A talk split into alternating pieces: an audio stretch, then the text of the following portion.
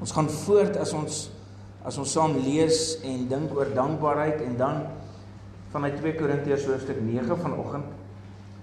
Weer 'n keer wat wat net so wonderlik is van van die boek 2 Korintiërs is dat dit die boek is waarin Paulus deel van al die lyding, al die swaar kry, al die seer, al die probleme wat hy al in sy lewe gehad het en wat hy alles deur is en hoe hy dit hanteer het en hoe hy baie keer net gevoel het maar maar dis dis verby. Hy hy hy gaan opgee. Dis dis te swaar, dis te moeilik, dis te rof.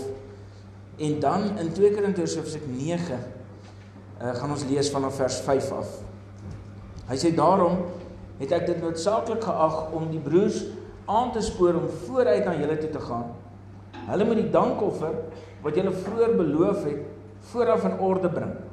Dan sal dit daar gereed wees as 'n werklike dankoffer van dankbaarheid en nie as iets wat afgepers is. Dink dink daaraan. Wie karig saai, sal karig oes. Wie volop saai, sal volop oes. Elkeen wat moet gee, elkeen moet gee soos hy hom in sy hart voorgenem het, nie met teensin of uit dwang nie. Want God het 'n blymoedige gewer lief. En God is by magte om aan julle alles in oorvloed te skenk sodat julle in alle opsigte altyd van alles genoeg kan hê en volop kan bydra vir elke goeie werk. Daar staan ook geskrywe: Hy deel uit en gee aan die armes. Hy bly altyd vrygewig. God wat saad verskaf om te saai en brood om te eet, sal ook aan julle saad gee en dit laat groei en julle vrygewigheid 'n ryk oes laat oplewer. Hy maak julle altyd in alles genoeg, uh, in alles ryk genoeg om by elke geleentheid vrygewig te kan wees. Deur ons bemiddeling het julle vrygewigheid tot God tot gevolg dat God gedank word. Want die bediening van hierdie hulp betoon voorsien nie alleen in die behoeftes van die gelowiges in Judea nie, maar bring ook oorvloedige dankbaarheid teenoor God mee. Deur hierdie duidelike bewys van julle bereidheid om te dien, sal daar baie wees wat aan God eer toebring. Hulle sal hom prys oor julle gehoorsaamheid aan die evangelie van Christus wat julle bely en oor julle opregte mededeelsaamheid teenoor hulle en teenoor al die ander. Hulle sal ook vir julle bid en met verlange aan julle dink omdat die genade van God oor julle so oorvloedig was. Ons dank God vir sy onuitspreeklike gawe. Gedeelte begin met dink daaraan.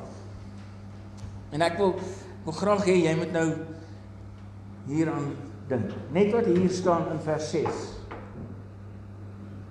Dink hieraan. Wie karig saai, sal karig oes. Wie volop saai, sal volop oes. Klink heel logies. gaan oor plante stand. Is dit nie? Plante stand. Hoeveel jy saai hoeveel plante jy plant dit sal jy kan oes ook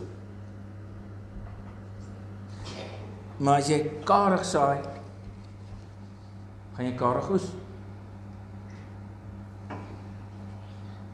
En dis 'n baie persoonlike ding want elkeen van ons saai en plant ook as jy 'n boer is soos wat jy dink jy dit moet doen. Mense gee raad, kry raad by plantkundiges en dis meer reg oor die land. Maar tog verskil die manier hoe elkeen van ons op verskillende dele van die land hoe ons oes selfs in die wêreld hoe ons plant. Ons plante stand verskil. Ek herinner aan 'n boer tussen Dallarywil en Sannieshof wat op 'n stadium het hy 10 voet rye mielies geplant. Ja, ons het hom verskriklik gespot. Gesê kan hulle asseblief die grond tussen sy mielies oes uh uh hier om ook nog nog mielies te plant. Maar hy het in droë land geplant soos almal daar en het agtergekom in terme van die hitte wat vloei tussen die mielies was dit het dit vir hom beter gewerk. Naderhand het hy ouens hom ook ophou spot. Hier in hierdie gedeelte is die beste bloudruk dink ek in die Bybel van hoe ek en jy behoort te gee. Vir wie ook al. Hoe ons behoort te gee vir iemand wat swaar kry, iemand wat wat arm is, iemand wat in die moeilikheid is, hoe ons by die gemeente gee, hoe ons vir mekaar moet gee, hoe ons fisies moet saam. In hierdie geval word daar spesifiek gepraat met hierdie gemeente in Korinte en 'n dankoffer wat hulle beloof het aan gelowiges wat swaar kry in ander dele van die wêreld, ook spesifiek in Macedonië. En dan is dit baie interessant hoe Paulus nou hierdie ding benader. Hy sê vir hulle, ek wil hê julle moet dink hoe dankbaar is julle? Waaroor julle alles dankbaar is. So ek wil vra, ook soos Paulus vra, dink hoe dankbaar is jy op die oomblik? Dink aan aan dit wat jy oor dankbaar kan wees. Moenie moenie dink oor oor dit wat jy alles krisisse wat jy het, maar dink oor die dankbaarheid wat jy in jou hart het teenoor die enigste lewende God. Dink daar. Dink aan aan ons wat nou net ervaar het hoe dankbaar ons behoort te wees. Jesus Christus wat nie net halfpad of net so so eentjie gegaan en vir ons gesterf het nie, maar wat in totaliteit vir jou en my gesterf het. Wie se liggaam in totaliteit vir ons gebreek is. Sy bloed het gevloei. Hy's dood. Hy het uit die dood uit opgestaan. Hy het al ons sondes op ons geneem, dit oorwin. Sodat ek en jy nie hoef te sterf nie. Sodat ons nie vir ewig hoef te sterf nie. Nou vra ek weer vir jou. Hoe dankbaar is jy? dankbaar is ek. In terme van dit. Skryf vir my hoe dankbaar is jy? En dan en dan gee jy. Dan gee. Gee vanuit dankbaar. Nie vanuit 'n som nie. Gee vanuit dankbaar. Dit gaan hier oor 'n offer. Hy sê in vers 5 se se tweede gedeelte, hy sê dan sal daar dan dan sal dit daar gereed wees as 'n werklike offer van dankbaarheid. Stuur hierdie mense vooruit om die dankoffer wat julle beloof het gereed te bring en dan sal dit gereed wees as 'n werklike offer van dankbaarheid. In die tweede gedeelte van vers 12 as jy sal kyk, maar bring ook oorvloedige dankbaarheid teenoor God mee. Dit wat jy gee, dit wat jy gee, veroorsaak dat mense ook oorvloedig dankbaar is teenoor God. As ek en jy se gesindheid is van ons gee vanuit die dankbaarheid wat ons het teenoor God, gaan dit ons duidelik deurkom deur die manier hoe ons gee. En ander mense gaan dit ook ervaar en raak sien. Gaan sien dat dit nie jy is nie. Ons weet mos wanneer gee ek uit my eie uit en wanneer gee ek uit my dankbaarheid uit uit my gesindheid wanneer dit reg is teenoor God. Wat 'n verskil. Ek en jy weet dit, God weet dit beslis. Ek en jy weet mos wanneer gee ons net om ontslae te raak van iemand, né? Nee, ons doen dit mos baie keer. Né? Nee, ons doen dit, ons gee baie keer vroeg in die week vir iemand wat geld bedel sodat ons daardie persoon die hele week daarna kan herinner, maar moenie ek het mos maandag vir jou gegee, onthou jy? Ken mos my bakkie? Ken mos my kar? Ken mos my blou karretjie? Ek het vir jou in die begin van die maand gegee. Wat nou? Weet mos. dan weet daardie persoon uit watter gesindheid ek gee. Vers 13 se tweede gedeelte sê dit sal dan eer aan God toebring. Jy hoef nie vir iemand te sê of jy dankbaarheid gee en of jy uit jou eie eie motiewe gee nie. Dit is eenvoudig duidelik sigbaar. Mense sien jou en my motiewe duidelik. Ons kan dit kan dit so 'n bietjie wegsteek. Ons ons kan dit so 'n bietjie bietjie verdoesel, maar maar ons kan dit nie vir ewig weghou nie. Mense sien jou en my motiewe by ver. En God beslis. En jouself en ek self kan nie wegkruip van hoe en hoekom ek en jy gee nie. 'n werklike offer van dankbaarheid of nie. Dis waar dit gemeet word. Dis waar dit behoort gemeet te word. Hoe jy en ek gee moet reg uit gelyk wees aan hoe dankbaar jy en ek is. Dit klink vir my baie skerry. Want hoe dankbaar is jy?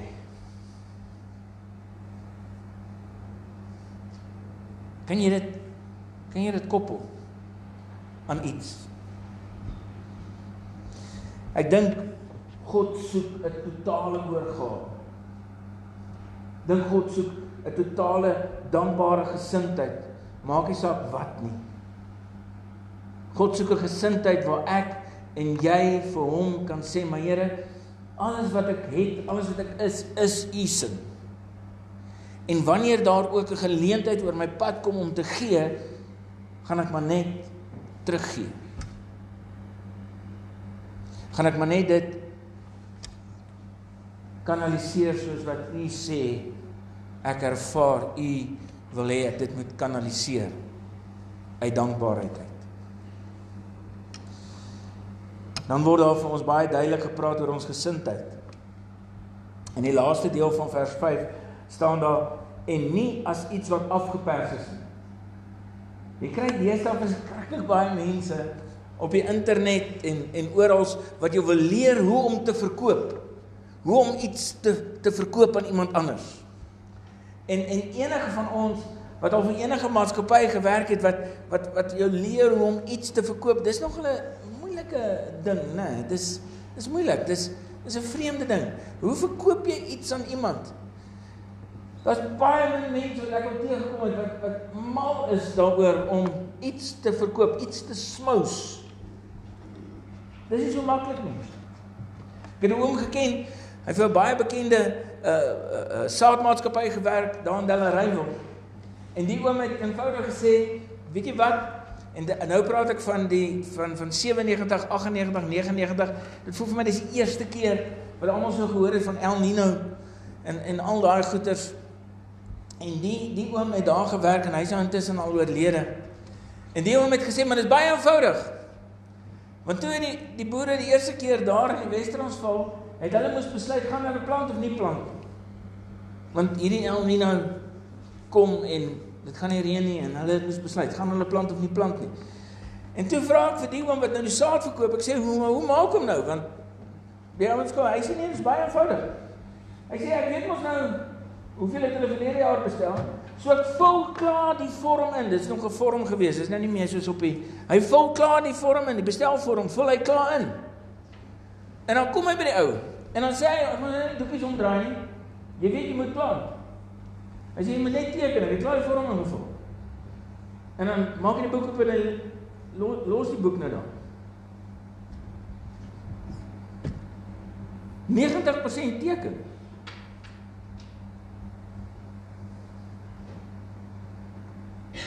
En so het ons al 'n klomp maniere van verkope ervaar. Van hoe mense iets aan ons probeer smous. Wat hulle so met sielkunde ook met ons probeer werk.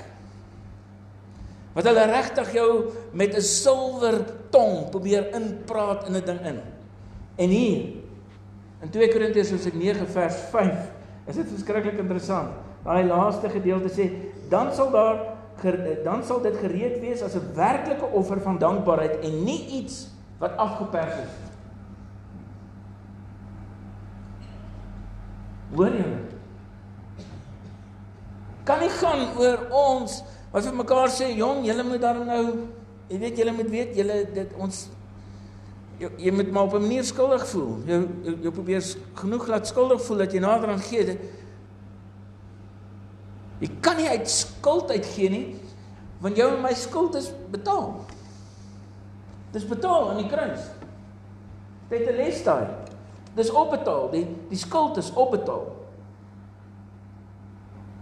Jy het nie meer skuld by Christus nie. Kan en mag nooit vir jou voel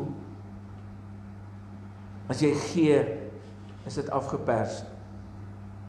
Maak nie saak deur wat nie.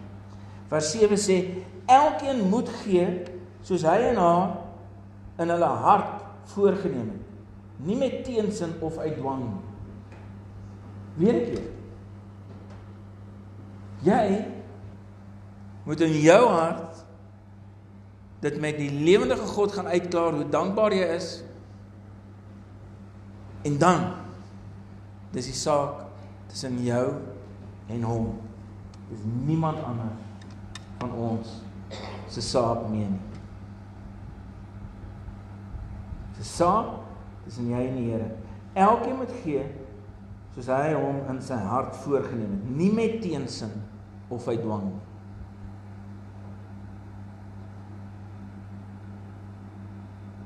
Dis ons moet gee. Vers 13 se laaste sinnetjie sê en oor julle opregte mededeelsaamheid teenoor hulle en teenoor ander sal daar aan God eer gegee word. Opregte mededeelsaamheid. Nie iets wat afgepers is afgesmous is van jou af. Opregte mededeelsaamheid. Nêrens ooit mag ek en jy dink iets word eers afgepers. Dat ek en jy 'n kalkulator moet uithaal en daai som maak nie.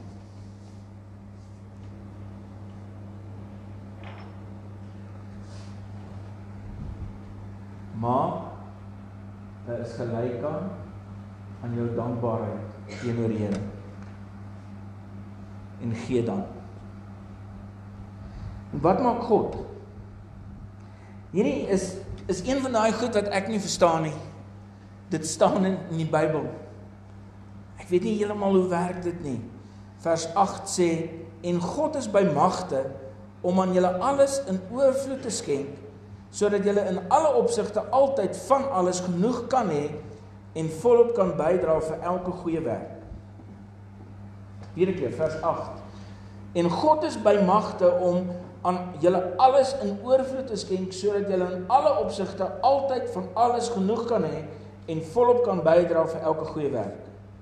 Vers 11. Hy maak julle altyd in alles ryk genoeg om by elke geleentheid vrygewig te kan wees. 'n Oom in Senekal het vir my geleer dat 'n mens moet gaan kyk. En dis 'n oom wat baie gewerk het met met self het self geboer maar ook met boere gewerk en en ook gewerk, eie werk gedoen al die jare. En is baie interessant geweest. Hy het gesê en en hy het sy hele lewe leef nog bly nog steeds in Senekal. En hy het gesê hy het nou al gesien. Hy het nou al boere sien kom en hy het boere sien gaan en hy het hy het besighede sien kom en besighede sien gaan en hy het mense wat kom werk daar op Senekal gesien kom en gaan. En hy was al by al die bankrotveilings daar gewees in in Senekal by hulle almal. En hy sê hy het 'n bietjie boek gehou daarvan. En die oom hou nog 'n boek. Hy hou 'n boek van hoeveel dit reën en hy hou 'n boek van alles, van hoeveel dit nie reën nie, hoe warm dit was op elke dag en hy skryf alles op. Ehm um, die oom kan ook die Excel gebruik soos soos ek soos ek kan ook die Excel gebruik. So die oom hou boek, jy kan boeke vat, daar's boeke. Ongelooflik, alles wat hy opgeskryf het. Elke bankrot veiling ook is baie skerry eintlik. En nie een persoon het bankrot gespeel in daai distrik van Senekal. Omdat hulle vir die kerk of 'n liefdadigheidsorganisasie of mense wat swaar gekry het, te veel geld gegee het. Daar's mense wat bankrot gespeel het omdat hulle vir een of ander aan 'n skelm borg geteken het, ja. Bietjie van 'n verskil. Maar nog niemand het bankrot gespeel omdat hulle vir hulle gemeente of 'n liefdadigheidsorganisasie geld te veel gegee het nie. Nie nie een nie, niemand nie. Hy sê kan hy haal dit uit, hy wys dit daar. Dan sê ek oom en nie oom. Dan sê nee. Nee. Kom ek ja, glad nie.